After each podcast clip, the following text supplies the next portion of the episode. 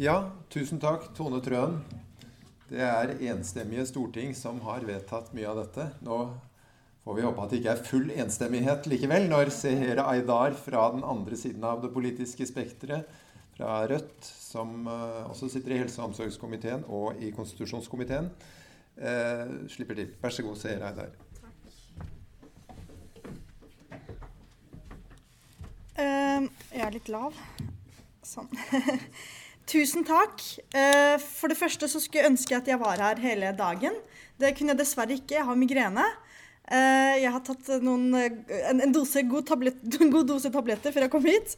Jeg tror det skal holde ut dagen. Vi får prøve. Men jeg vil bare beklage det, fordi jeg skulle veldig gjerne hørt alle de som snakka før meg, sånn at jeg kunne kanskje både videreført og uh, kommentert, og kanskje til og med tatt ut poenger som allerede har blitt sagt. Så det beklager jeg hvis dere har hørt det sånn ca. ti ganger før i dag.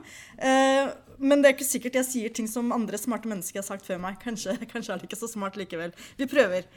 Uh, for det første så, Jeg har jo fått på en måte oppgaven om å være radikal. og så kan man jo tenke det er jo ikke så vanskelig å være radikal for en fra Rødt. I dette feltet så vil jeg si at jeg vil kanskje gå så langt som å si at det mest radikale det er å si at vi må følge menneskerettighetene. Også til mennesker med psykiske helselidelser. At menneskerettighetene er det mest radikale. Uh, og jeg skal prøve å forklare hvorfor. Uh, I menneskerettighetene så står det uh, enhver har rett til liv, frihet og personlig sikkerhet. Ingen må utsettes for tortur eller grusom, umenneskelig eller nedverdigende behandling eller straff. Dette er menneskerettigheter som skal være universelle og gjelde for alle. Det gjelder kanskje ikke lenger for alle. Eh, det gjelder kanskje ikke f.eks. For, for eh, de som blir alvorlig syke. Eh, alvorlig psykisk syke. Og, kanskje, og, det er derfor jeg sier at kanskje det mest grunnleggende og mest universelle er det mest radikale om dagen. og grunnen til at jeg går så langt som det, er at jeg vil si at vi på mange områder som samfunn har svikta. Fordi blir du alvorlig psykisk syk i Norge, kan du risikere å bli isolert, tvangsmedisinert og til og med lagt i belter. For mange gjelder dette kort og kanskje en akutt fase, men no, for noen gjelder det mange år av livet. Tvang kan være en del av en nødvendig behandling eh, for noen få. Den vi kanskje snakker mest om i dag, er ikke eh, altså For dem vi snakker mest om i dag, så er ikke det den behandlingen eh, altså, for, okay, for å si det på en annen måte eh, Beltelegging gjør ingen friske. For de aller fleste vi snakker om, så er det ikke en eh, behandling som de får i dag, det er en oppbevaring. Slik det er blitt. Eh, noen av de aller sykeste i Norge de blir både tvangsinnlagt, isolert og tvangsmedisinert. Eh, og ofte lagt i belter fordi vi ikke vet hva annet vi skal gjøre med dem. Og det er kanskje det som er litt kjernen av problemet.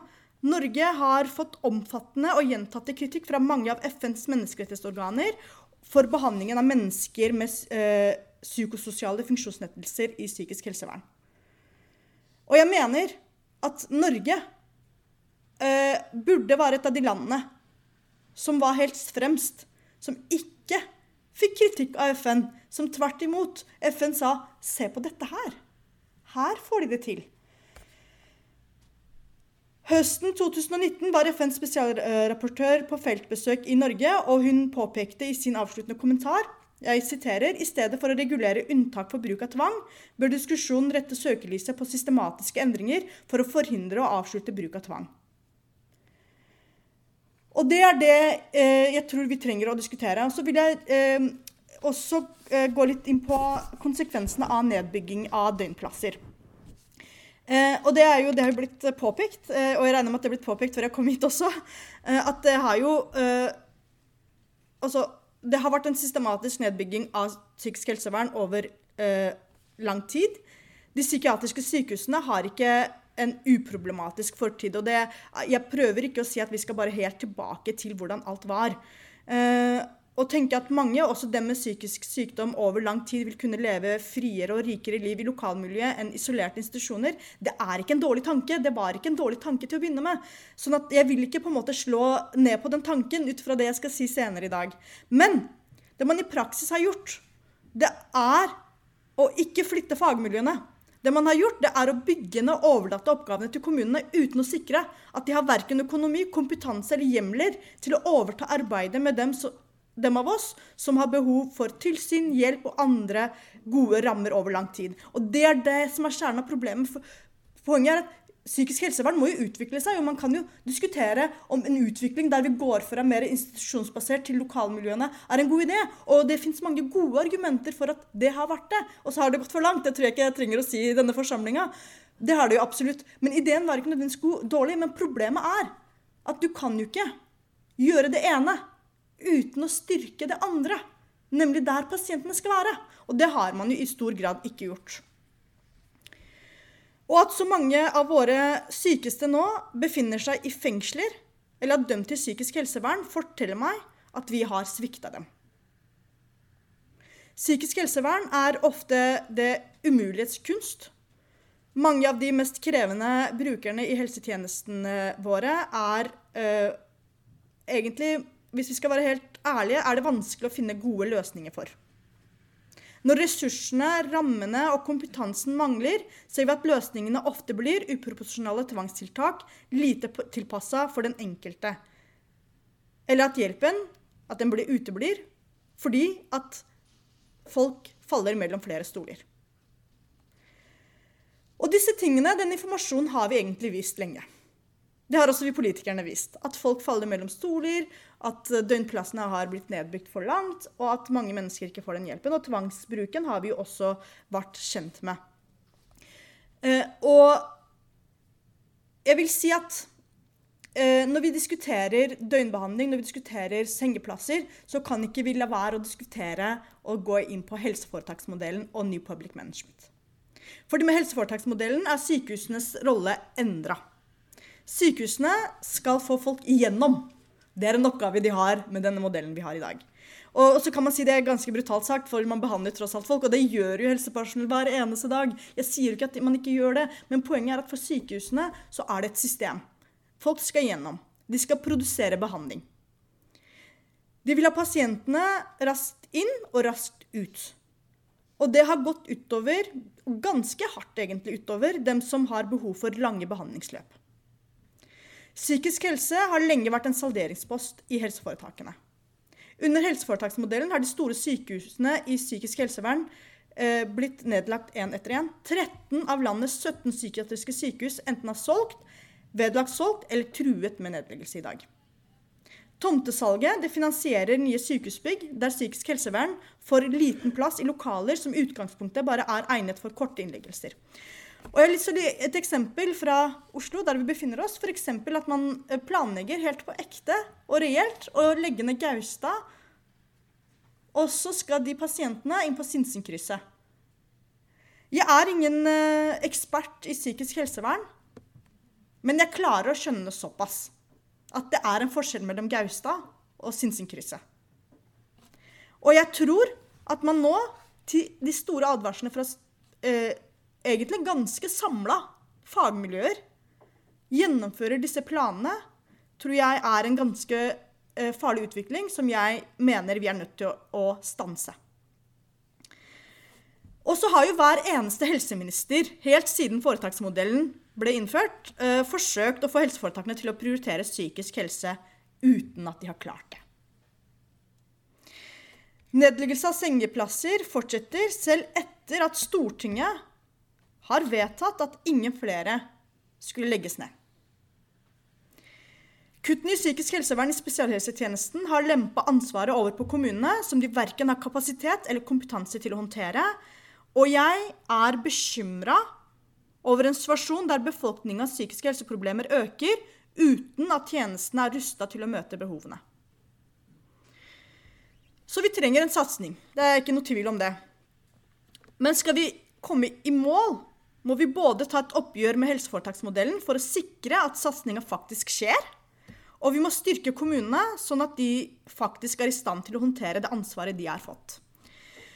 Og jeg eh, vet all, ikke alltid hva som er den beste behandlinga folk skal få. Men det er én ting jeg vet. Det må være folk og ressurser til å gi den behandlinga. Og når vi snakker rent politisk, så må vi ikke Vi kan ikke se bort fra de vanskelige politiske sakene også når vi snakker om psykisk helsevern. Så jeg vil eh, påstå og være ganske bastant på at eh, det holder ikke at vi politikere på Stortinget sier bra ting. Hvis ikke vi har verktøyene til å faktisk få det gjennom. Og i dag har man laget et system som ikke er jeg vil si, jeg vil si at den egentlig er ganske udemokratisk. Og så vil jeg eh, snakke litt om pårørende. Fordi Når vi snakker om samfunnssikkerheten i psykisk helsevern, er vi ofte mest opptatt av at tilfeldige personer risikerer å bli ramma av vold eller trusler fra mennesker i psykose eller ubalanse. Men det er egentlig ikke så ofte at det skjer. Det gjør stort inntrykk når det skjer. Det er et stort mediebilde når det skjer. Og det burde jo ikke skje. Eh, vi ønsker ikke at det forekommer. Men det vi snakker litt mindre om, det er de pårørende. Det er ofte de som er tett på den syke, som opplever eh, den største belastninga. Og jeg er opptatt av eh, også deres rettigheter til å leve trygge liv, frie liv, til å bli hørt når de melder fra om bekymring, og hjelp som gjør at de kan føle seg trygge både på sin egen sikkerhet og på at den syke blir ivaretatt. Mange er redde for sin egen del pga. vold og trusler, eller de er redde for hva som kan skje med og omkring deres syke familiemedlem. Og det er ikke alltid pasienten vil samarbeide eller ta imot helsehjelp. Det er jeg fullstendig klar over. Da har vi allikevel et ansvar for å sikre at pårørendes sikkerhet og bekymring blir tatt på alvor. Staten, mener jeg, har en plikt til å hindre at personer krenker hverandre. Dette kalles sikringsplikten. Så det er ikke bare noe jeg mener. Den fins. For personer med alvorlig psykisk lidelse og voldsrisiko er plikten delt mellom tre sektorer. Det er spesialhelsetjenesten, kommunen og så er det justissektoren. I mange saker vi, har vi sett at ansvaret har falt mellom stolene og ikke blitt plukket opp av noen. Først når skaden har skjedd, kommer tiltakene. Og jeg mener helt bestemt at lytter vi til og tar bekymringene fra de pårørende på alvor tidlig nok, så tror jeg at vi stand, vil være bedre i stand til også å handle. Selvfølgelig må man jo eh, forsøke å, å, tette systemene som gjør at folk ikke faller mellom eh, to, stol, to, eller tre stoler. Og det vet jeg at dere hadde snakket om i dag. Eh, veldig lei meg for å ikke ha hørt mer om det. Eh, så jeg vil um, Og jeg veit at det kanskje ikke er akkurat dette, det jeg skal snakke om nå, som er hovedtemaet i dag, men dette er en liten kjepphest jeg har. Så jeg prøver meg likevel. og det er at psykisk helsevern handler om mer enn psykisk helse. Fys altså, psykisk helse det kan ikke ses på isolert fra livsbetingelser og økonomiske forhold, forhold folk befinner seg i. Og det understreker også forskning at økonomiske vanskeligheter både kan være utløsende og vedlikeholdende for psykiske vansker som angst, depresjon og selvmordstanker. Og det er en klar sammenheng mellom psykiske helseproblemer og utrygg økonomi og gjeldsproblemer. Det har jo også en svensk studie funnet at én uh, av fem med store gjeldsproblemer minst én gang hadde forsøkt å ta sitt eget liv. En britisk undersøkelse fant at mennesker med uh, problemgjeld har tre ganger så stor sannsynlighet for å ha hatt selvmordstanker i løpet av det siste året. Og Grunnen til at jeg tar opp dette, er at uh, jeg har lyst til at vi skal se på psykisk helsevern som en del, en helhetlig vi skal se på det som helhetlig, ikke isolert. Og jeg mener helt oppriktig, og jeg beklager til alle psykologer i rommet Men jeg mener helt oppriktig at en ukentlig samtale med psykolog eller en resept på angstmedisiner ikke alene er noen løsning hvis det som holder deg våken om natta, er regningsbunken som vokser, eller at du faktisk står i fare for å miste hjemmet ditt. Da må vi jo hjelpe folk med å løse de økonomiske problemene de har. Så jeg vil si at fattigdom det er helseskadelig. Jobb nummer én er selvfølgelig å bekjempe fattigdom. Det er uh, hovedoppgaven også for oss politikere. Men i mellomtiden så trenger vi at, helsesystem, at helsesystemet erkjenner at penger og trygge rammer for livene til folk betyr noe. Og på torsdag så fikk jo Rødt eh, flere gjennomslag, heldigvis. Vi fikk gjennomslag også for at behandlingen av opptrappingsplanen for psykisk helse at det skulle inkludere tiltak for å avdekke og håndtere gjeldsproblematikk og økonomiske problemer eh, for en plass i selvmordsforebyggende arbeidet. Og det mener jeg er et viktig steg i riktig retning. For meg er det helt uh, merkelig at det ikke fantes fra før av, men det har vi nå fått gjennomslag for. Så for mange med vedvarende psykiske helseproblemer kan utenforskap, utrygge boforhold og økonomisk bekymring være det som vipper problemene fra å være øh, håndterbare til å bli uhåndterbare. At vi sikrer også de som faller utenfor arbeidslivet, trygge livsbetingelser, må være en del av det psykiske helsearbeidet vårt. Så øh, ser jeg jo på klokka. Uh, men jeg vil uh, gå litt tilbake til tvangsmidler. Jeg har fem år! Jeg trodde det var to minutter igjen, men da kan jeg snakke saktere. Nei da, jeg har mer å si. Da vil jeg gå tilbake til tvangsmidler. fordi at uh, En annen ting som skjedde, og det var jo Tone Trøen også inne på i behandlingen av opptrappingsplanen, var jo et gjennomslag på akkurat dette. Rødt fikk et gjennomslag og det er nemlig å gjøre noe med bruken av mekaniske tvangsmidler i psykisk helsevern. Og det har noe å si at det var et samlet storting som samlet seg bak det. Det betyr at det forplikter alle, uansett hva som skjer med stortingsflertallet. For det har alle vært enig i. Hvert år blir 1000 pasienter i Norge lagt i belter. Å bli utsatt for mekaniske tvangsmidler som beltelegging, det er ikke noe som noen blir friskere av. Uh, og det betyr ikke at jeg mener at um, noen tror at man blir friskere av det. det. Det tror jeg at alle vet at man ikke blir. Men jeg vil likevel si det. Igjen og igjen. For det er ikke en behandlingsform. Det er noe som man blir tvunget til å gjøre. Hvorfor det? Men det vi vet, er at det kan påføre skade. Både psykisk og fysisk. Og det, betyr, det betyr er at vi skader dem som trenger hjelpa vår. Å binde noen fast mot deres egen vilje, det er ikke tråd med de menneskerettighetene som jeg begynte med å snakke om. Det er en krenkelse. Og det er derfor jeg begynte å snakke om menneskerettighetene til å begynne med. Og for de aller sykeste som vi snakker om i dag, er bruken av traumatiserende tiltak som beltelegging med å forsterke avstanden og frykten mellom pasienten og institusjonene som skulle hjelpe dem. Det kan påføre dem nye traumer, forverre situasjonen og gjøre barrieren for å søke om hjelp høyere neste gang. Østenstad-utvalget, som leverte sin NOU i 2019, eh, gjorde en samla gjennomgang av reglene for bruk av tvang i helse- og omsorgssektoren og anbefalte en utfasing av mekaniske tvangsmidler. Og Det har ikke blitt fulgt opp. Eh, nå må vi egentlig ta fatt på det arbeidet. Vi foreslo jo en utfasing, eh, men måten moderne fors... Altså, jeg vil bare si at uh, Vi modererte forslaget for å få flertall, hvis jeg skal være helt ærlig. Nå er jeg fullstendig ærlig. Um, og, og, det er selvfølgelig eh, viktigere å få en reduksjon og komme riktig vei av tvangsmidler. Eh, jeg mener fortsatt, og det mener jeg, at målet må være en utfasing av mekaniske tvangsmidler. Vi har fått gjennomslag for en reduksjon. Det er jeg veldig glad for. Og jeg må være ærlig og si at uh, mitt langsiktige og Rødts langsiktige mål er at man får en utfasing. Men dette er et første skritt, og det er et viktig skritt at komiteen som sagt er samla. Og så må jeg si at eh, hvis man skal få til det, og det inkluderer også forslaget, så må man også se på bemanning, ressurs og kompetanse. Har man ikke nok ressurser, så er det vanskelig å forebygge. Og i dag så er det mange steder hvor det ropes om mer ressurser, nok bemanning.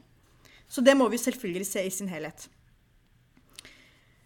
Og så innser jeg jo at det er urealistisk å tro at uh, vi skal kunne helt unngå tvang i psykisk helsevern. Men tvang og samtykke det behøver ikke å stå i motsetning til hverandre. De aller fleste av de pasientene som er til fare for seg selv eller andre, er ikke nye for helsetjenesten. Mange av dem har mange innleggelser og kontakter bak seg. Om vi kan bygge opp gode team omkring disse pasientene, Team som både har kompetanse fra spesialhelsetjenesten og ansatte fra kommunen som har nærhet til pasienten, kan man forebygge mye. Da kan man sammen med pasienten lage planer for hvordan de ønsker at sykdomsutbrudd og akutte kriser skal håndteres. Hva trenger du når du kjenner at eh, virkelighetskontakten glipper?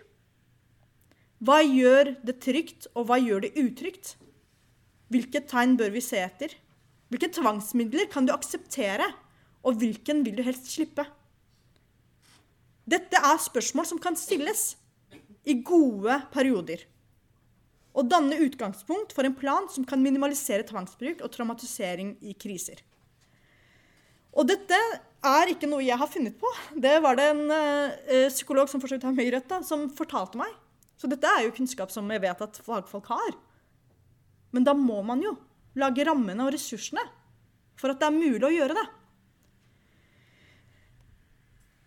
Fordi jeg mener at det er mulig å ha pasientenes autonomi i fokus samtidig som de kan få hjelp til å beskyttes mot konsekvensen av sykdommen sin i de periodene de ikke er i stand til å ta vare på seg selv. Jeg vil også eh, trekke frem at eh, FNs eh, spesialrapportør som var i Norge, kritiserte jo som sagt Norge for brudd på CRPD og løftet fram to tilbud da, som hun mente visste at det er mulig å skape gode tilbud uten tvang. Også til dem med stor sykdomstrykk. Hun nevnte basal eksponeringsterapi ved Vestre Viken sykehus på Blakstad og den medisinfrie avdelinga ved Åsgård psykiatriske sykehus i Tromsø. Jeg vil jo si at uh, jeg er kjent med at i 2016 så fikk akkurat den samme avdelinga kritikk for tvangsbruk. Uh, så dette jo, viser jo at det er jo ikke bare svart eller hvit. Ting kan utvikle seg. Og jeg vil jo selvfølgelig også trekke frem brukerstyrte senger som et godt redskap til å flytte makt over situasjonen fra systemet til pasienten. Det er tiltak som må vise seg å forebygge behovet for bruk av tvang.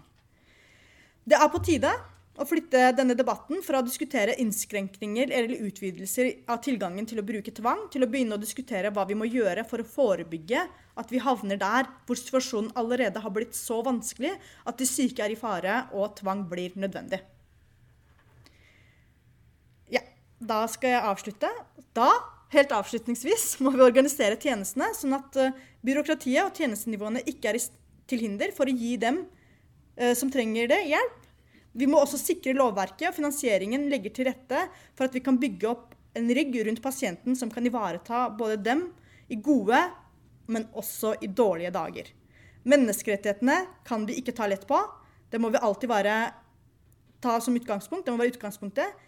Og ingen blir friskere av krenkelser. Det betyr ikke at tvang aldri blir nødvendig, men vi må strekke oss for å sikre at også de sykeste av oss beholder retten til, som de har, ifølge menneskerettene til liv, frihet og personlig sikkerhet.